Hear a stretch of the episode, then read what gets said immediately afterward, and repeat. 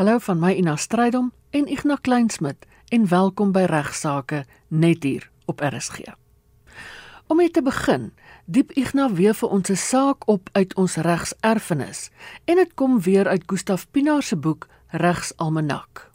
'n Baie baie goeie môre aan almal van u wat ingeskakel is. Nogmaals baie dankie vir die tyd wat u spandeer om na regsaake te luister en ek hoop dat u gaan na hierdie halfuur sommer baie meer regsgeleerd wees dat dit vir interessant gaan wees.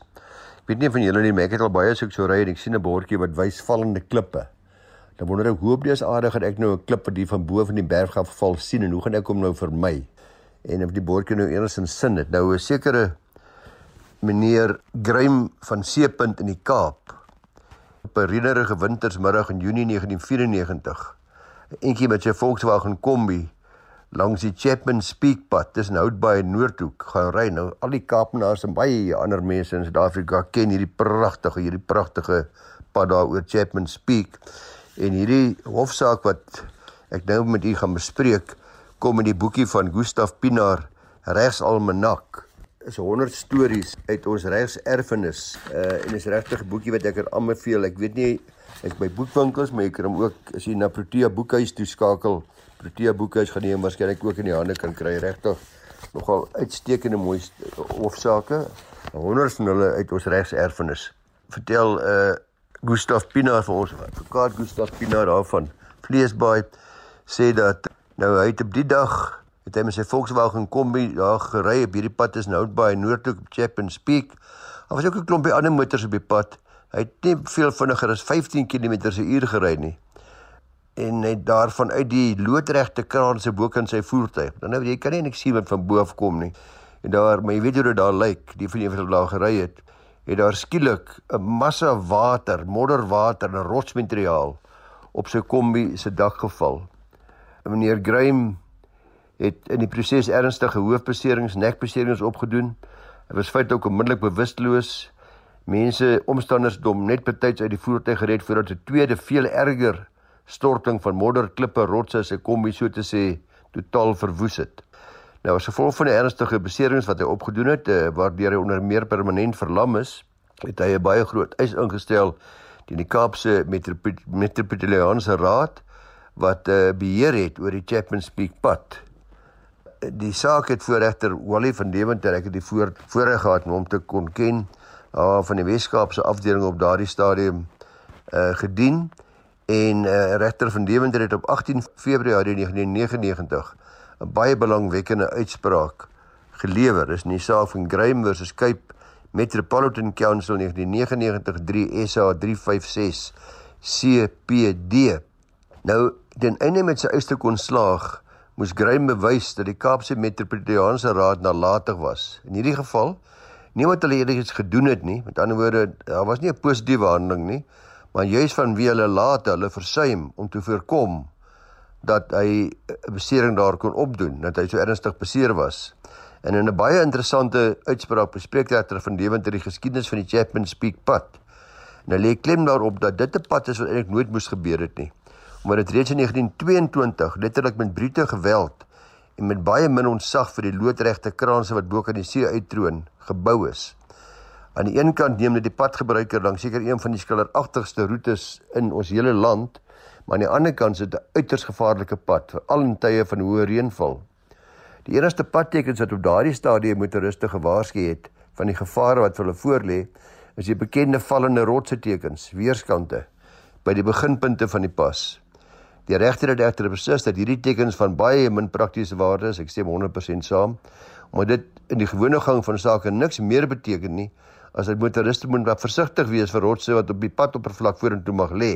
Jy het net gesê vir die wat jy die lug het jy op my kar gaan val nie. Die regter het verder beslis dat die Kaapse Metropolitaanse Raad eksklusiewe beheer oor hierdie pad uitgeoefen het op daardie stadium, maar die raad in staat gestel het om indien nodig die pad te sluit. Die raad het egter nooit enige pogings aangewend om na aanleiding van reënvalverslae, weervoorspellings ensovoorts te besluit oor die risiko van die rotsstortings op die uh, Chapman Peak pad te neem nie. Niemand in die raad se diens het ook 'n spesifieke opdrag gehad om van tyd tot tyd die pad te inspekteer met die oog op die veiligheid daarvan. vir motoriste nie. Onthou nou, ons praat nou, dit was nou 1994, ek dink intussen het dit heel wat verander. Nou in hierdie agtergrond moes regter van Deventer dus beslis of die raad se versuim oor die veiligheid van motoriste soos meer grym te waak so ernstig was dat dit as nalatigheid aangemerk kon word. In die verband het die regter hom laat lei deur sy vertolking van die gemeenskap se regsoortuigings, die boni modes, wat ons van praat eenvoudig gestel, soos Gustav dit noem, die gemeenskap se gevoel van wat reg en verkeerd is. Dit beteken dat die norm wat die hof moes toepas, die vraag was of die versuim van die plaaslike owerheid om positiewe stappe te neem om Graham se skade te voorkom na die oordeel van die gemeenskap onregmatig was.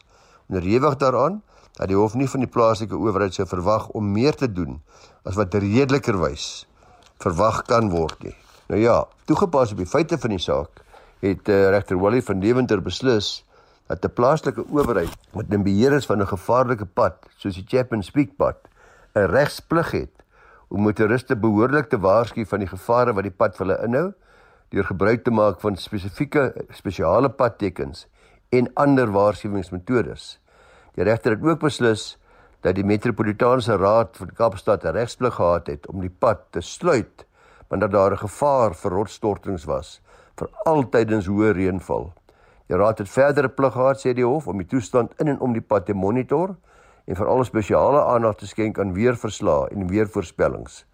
In al hierdie opsigte was die raad se pligsversuim nalatig en uh, regter van Deventer het gevolglik ten gunste van Graham beslis en die raad aanspreeklik gehou vir betaling van sy skade. Nou teen hierdie uitspraak het die raad geappeleer.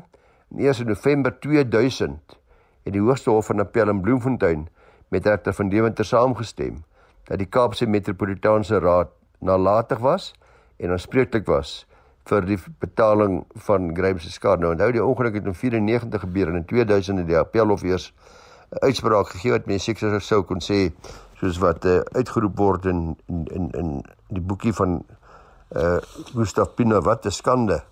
Uh aan die ander kant was die aangeleenthede wat voor die howe gedebatteer is van groot openbare belang. Daar moes heelwat navorsing gedoen word en die getuienis van deskundiges, mense wat sowel ten gunste van Graham as ter verdediging van die raad getuig het, wat ingewin moes word. Heelwat uh skadevergoeding is deur Graham geëis soos ek laas vir u gesê het, maar hoeveel hy uiteindelik ontvang het, kon ek nie vasstel nie. Ek weet nie wat openbare kennis is nie, miskien kan iemand vir ons laat weet. Uh tog sê Gustav Pinaar tereg glo ek in die ou gesegde die wiele van geregtigheid draai stadig maar seker. Die goeie nuus is dat die Chapman Speed pad nou dikwels gesluit word as daar maar die geringste gevaar van rotsstortings is. Dit gebeur veral gedurende die Kaapse Skiereiland se nat en koue winters. So die raad het waarskynlik na hierdie hofsaak besef dat hulle 'n diereplig het om die gebruikers van daardie pad te beskerm.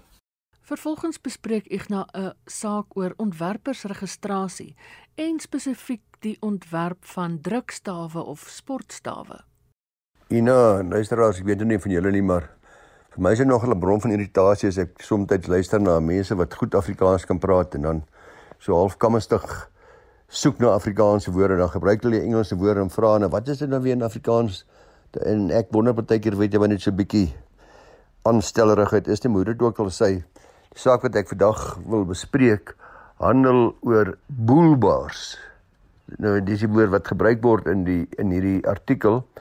Nou die beste Afrikaans wat ek kon vind vir boelbars, hierdie wat jy in die in die bakkies kry, is sportstawe of drukstawe.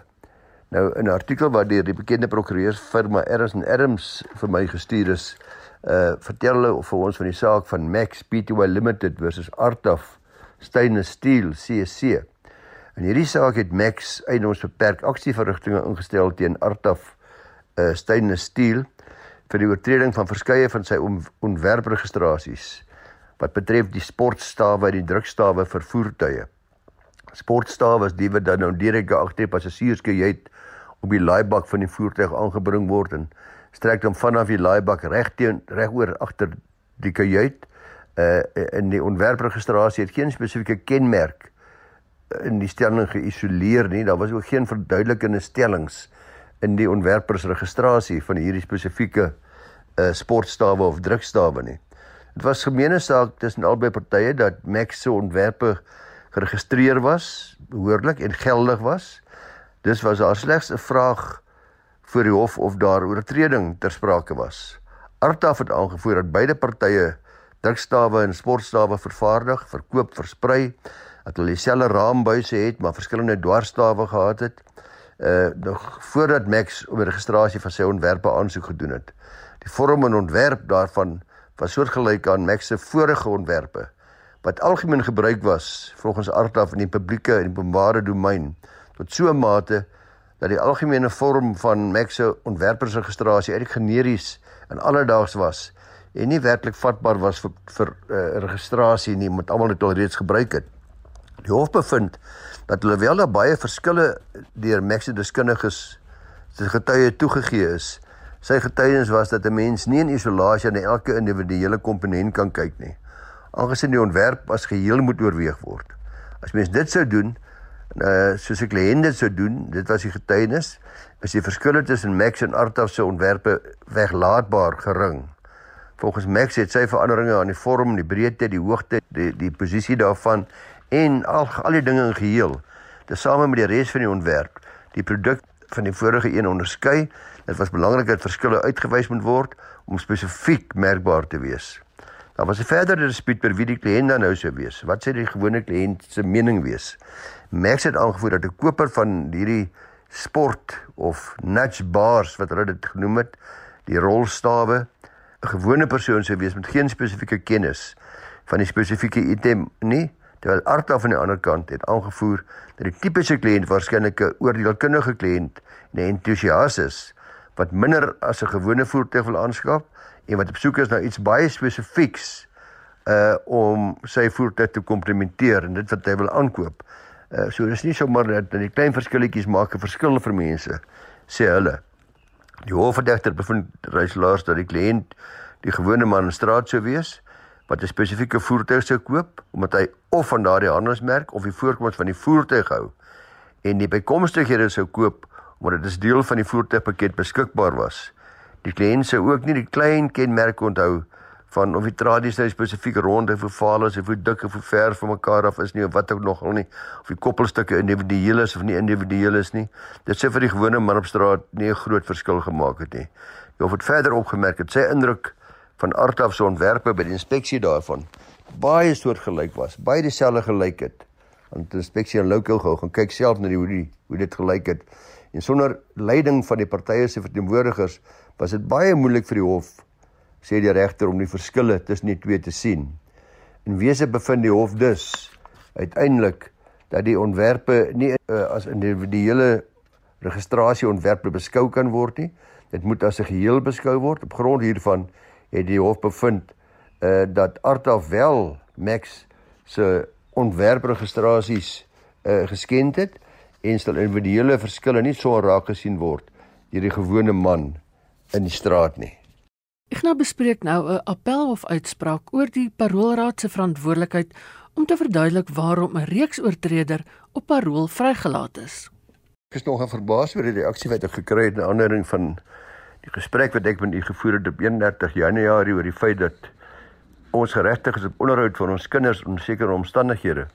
Ek het heelwat navrae gekry uh, daaroor baie mense wat sê dat hulle nogal verbaas was met te hoor dat hulle dit nie geweet het nie. Baie mense wat gevra het hoe hulle presies te werk moet gaan en ek het hulle maar verwys terug na die uh, eh, RSG se webwerf toe en waar hulle dalk gaan soek daarna.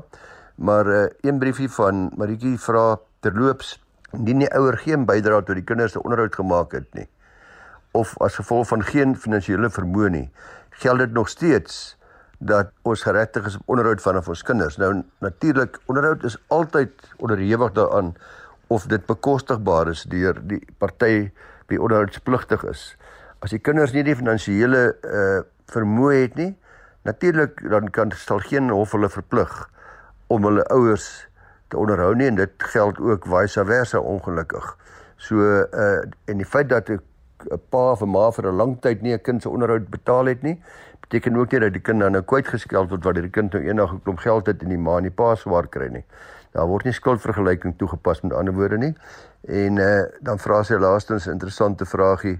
Sy vra indien 'n kind bydra, indien 'n kind bydra tot 'n ouer se onderhoud, vrywillig of deur 'n hofbevel, is die bedrag aftrekbaar van belasting. Nou, nou die beste vir my weet is daar geen belastingaftrekking vir enige onderhoud nie, net soos wat ek nie belasting kan aftrek vir my kinders se skoolfonds of my kinders se skoolklere of my kinders se fiets wat ek koop uh of uh dit wat ek vir my ma, my pa uh slagskapie persent gee of uh, onderhoud wat ek moet betaal as gevolg van 'n hofbevel nie omdat dit noodsaaklike lewensbehoeftes is waaraan ek moet voldoen en daarvoor laat die ontvanger ongelukkig geen belastingaftrekking toe nie. Maritjie vir jou en ek hoop vir ander is dit nou ook meer duidelik maar so ek sê kan kyk gerus weer na die pot gooi van 31 Januarie waar ek dit baie meer volledig bespreek het. Dan dan is daar 'n vrou wat 'n slagoffer was van 'n herhaaldelike seksoortreder nadat hy vrygelaat was op parol. En die vraag uh, wat gevra word, moet die paroolraad nie soms bietjie ook kort gevat word, moet hulle nie ook verduidelik nie, is daar nie soms ook 'n plig op hulle om daarom uh, net te kom sê nou op watter grond dat hulle sommer iemand op parol vrygelaat het, want heel dikwels vind 'n mens dat uh, gevangenes wat op parol is weer misdade pleeg. Nou daardie vrou wat ek nou van praat, wat 'n slagoffer was van hierdie seksoortreder wat vrygelaat was op parol, die minister van Justisie gedagvaar vir 2 miljoen skadevergoeding. Sy misluk toe met haar aksie in die Hooggeregshof. Die radiohof bevind dat daar geen bewyse vir die hof was om te bevestig dat die beroepsraad se besluit gebrekkig was nie. Uh die dame het dit nie daar gelaat nie. Sy het die saak na die Hoogste Hof van Appel geneem en die Hoogste Hof van Appel het toe nie saamgestem met die Hooggeregshof nie bevestig dat daar 'n beslisse saak was wat eers beantwoord moes word. Die Appelhof beslis verder dat die minister van Justisie en Korrektiewe Dienste op hierdie stadium is dit die Lamola en die Paroolraad verantwoording moet doen oor die besluit om die oortreder op parol vry te laat. In ander woorde, daar is 'n verantwoordelikheidsplig. Daar is 'n plig op die Paroolraad om te verduidelik. Die oortreder was skuldig bevind aan drie seksuele misdrywe gedurende 1996. Daar was genoeg bewyse voor die hof sê sê die appelhof om die minister of die amptenare van die departement van korrektiewe dienste en meer spesifiek die paroolraad baie versigtig te maak, hulle eintlik op terme te plaas om te verduidelik hoekom die oortreder vrygelaat was op parol. Enige besluit deur die paroolraad is 'n waardeoordeel en uh volgens uh, die Hooggeregshof Dis nou die eerste hof was daar geen bewyse dat die besluit om die oortreder in November 2010 vry te laat gebrekkig was nie. Maar die appelhof eenparig uh, stem glad nie saam nie uh, en bevind dat die Hooggeregshof verkeerd was. Die hof sê dat die oppervlakkige kommentaar wat byvoorbeeld in die maatskaplike verslag gelewer was en die vaagheid van die bestuurskomitee, asook die gebrek aan 'n sielkundige se verslag 'n baie goeie saak uitmaak vir die appelhof om te bevind dat die oortreder se vrylating aansienlike risiko's normaalweg sal inhou en dis baie versigtig en baie deeglik oorweeg moet word. Boonop sê die appelhof was daar bewyse dat die oortreder sekere voorwaardes van sy parol reeds verbreek het, uh, maar daarvoor slegs mondelinge waarskuwings gekry het. So luisteraars, terwyl die oortreder sy parolvoorwaardes verbreek het, was hy steeds vrygelaat om die eiser en natuurlik ook moontlike ander lede van die publiek aan te val in hierdie geval 'n baie ernstige uh seksoortreding gepleeg het terwyl hy op parol was. Daar was altyd sê die hof 'n grondwetlike plig om die minister om die publiek te beskerm, uh veral vrouens en kinders teen geweldsmisdade en natuurlik geld dit dieselfde ook vir almal wat betrokke is by die toekenning van parol. Daar was reeds in September 2009 byvoorbeeld aanbeveel dat daar 'n verdere profielverslag ingedien behoort te word en dat die oortreder meer programme in die tronk moes bywoon. Nou vra die hof tereg hoe die paroolraad in die lig hiervan tot sy besluit gekom het, uh, verstaan hulle nie dat verg verduideliking aangesien die oortreder herhaalde seksuele oortreder was. Die hof bevind dat die paroolraad die risiko moes in aanmerking geneem het om sodoende 'n gevangene op parol vry te laat met 'n onskynlike geneigtheid om daarop seksuele geweld te pleeg veral in die afwesigheid van 'n behoorlike sielkundige verslag wat in hierdie geval glad nie voor die paroolraad gedien het nie. Nou totdat diegene wat die paroolbesluite geneem het, kom om getuienis af te lewer wat hulle gedoen het, sê die appelhof is daar voldoende bewyse wat 'n bevinding kan toelaat dat die raad verkeerd en nalatig opgetree het.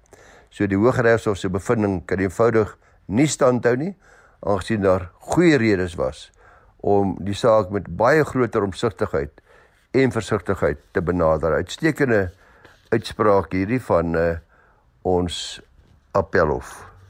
En ten slotte vandag, wat is die beste manier om mense persoonlike bates te beskerm in geval van insolventie? Ek nou beantwoord 'n luisteraar se vraag in die verband. Kry skrywe vanaf en Chris Botha met 'n paar goeie vrae. Hy verwys na vorige programme waarin ek uh, die die lukskontrakte buitegemeenskap van goed met uitsluiting van die ambasbedeling bespreek het en ook uh, hoe dit gedalk gewysig gaan word van binne na buitegemeenskap van goedere. Dan sê hy dat in 1987 het 'n prokureur by hulle aanbeveel dat hulle 'n kontrak moes aangaan buitegemeenskap van goed met uitsluiting van die ambasbedeling en dit was blykbaar vir die beskerming van bates en nie met die oog op 'n egskeiding nie. Sy eggenote is te 3 jaar gelede oorlede, maar gelukkig sê hy wat hulle is nooit insolvent nie, was daar ook nooit 'n egskeiding nie. Maar hy wil baie graag ons mening hoor oor die gebruik van maatskappye en trusts as ondernemingsforme boonbehalwe huwelikskontrak buitegemeenskap van goed met uitsluiting van die almasbedeling. Uh wat ten doele daarom persoonlike bates soos mense huis en jou motor ensovoorts te beskerm geval van insolventie. Die eerste prys sê hy by natuurlik altyd maar om 'n onderneming te bedryf sonder die risiko van insolventie. Maar nou ja, daar's altyd so risiko. Sê later in 'n tweede e-posie uh, vra hy verder tot daai e-pos is dit nie ook raadsaam vir 'n entrepreneur om sy vir 'n persoonlike bates soos die woonhuis inhoud daarvan in die gesinsmotor in 'n familietrust te hou die die my besigheid vanuit 'n maatskappy te bedryf nie. Dis nou vra Chris wat ek baie baie lank met jou ook al gesels Ek gaan dit so kort as moontlik beantwoord met die hulp van Volker Kreur wat ook sy bydrae daartoe gelewer het. Ons advies is om beslis buite gemeenskap van goedere te trou en nie binne gemeenskap van goedere nie. Uh by huwelik buite gemeenskap van goedere is, is die gades natuurlik normaalweg nie aanspreeklik vir mekaar se skulde nie en dis die die heel veiligste selfs in die geval van insolventie kan die skuldeisers as 'n uitgangspunt nie aan die boedel van die insolvente gade raak nie. So gedeeltelik beantwoord dit jou een vraag. Daardie voordeel geld egter ook in die geval waar die partye getroud is buite gemeenskap van goedere met die aanwasbedeling. Uh so ons stem dus heeltemal saam met die stelling dat die aanwasbedeling ook vir die beskerming van bates nie uitgesluit moet word nie.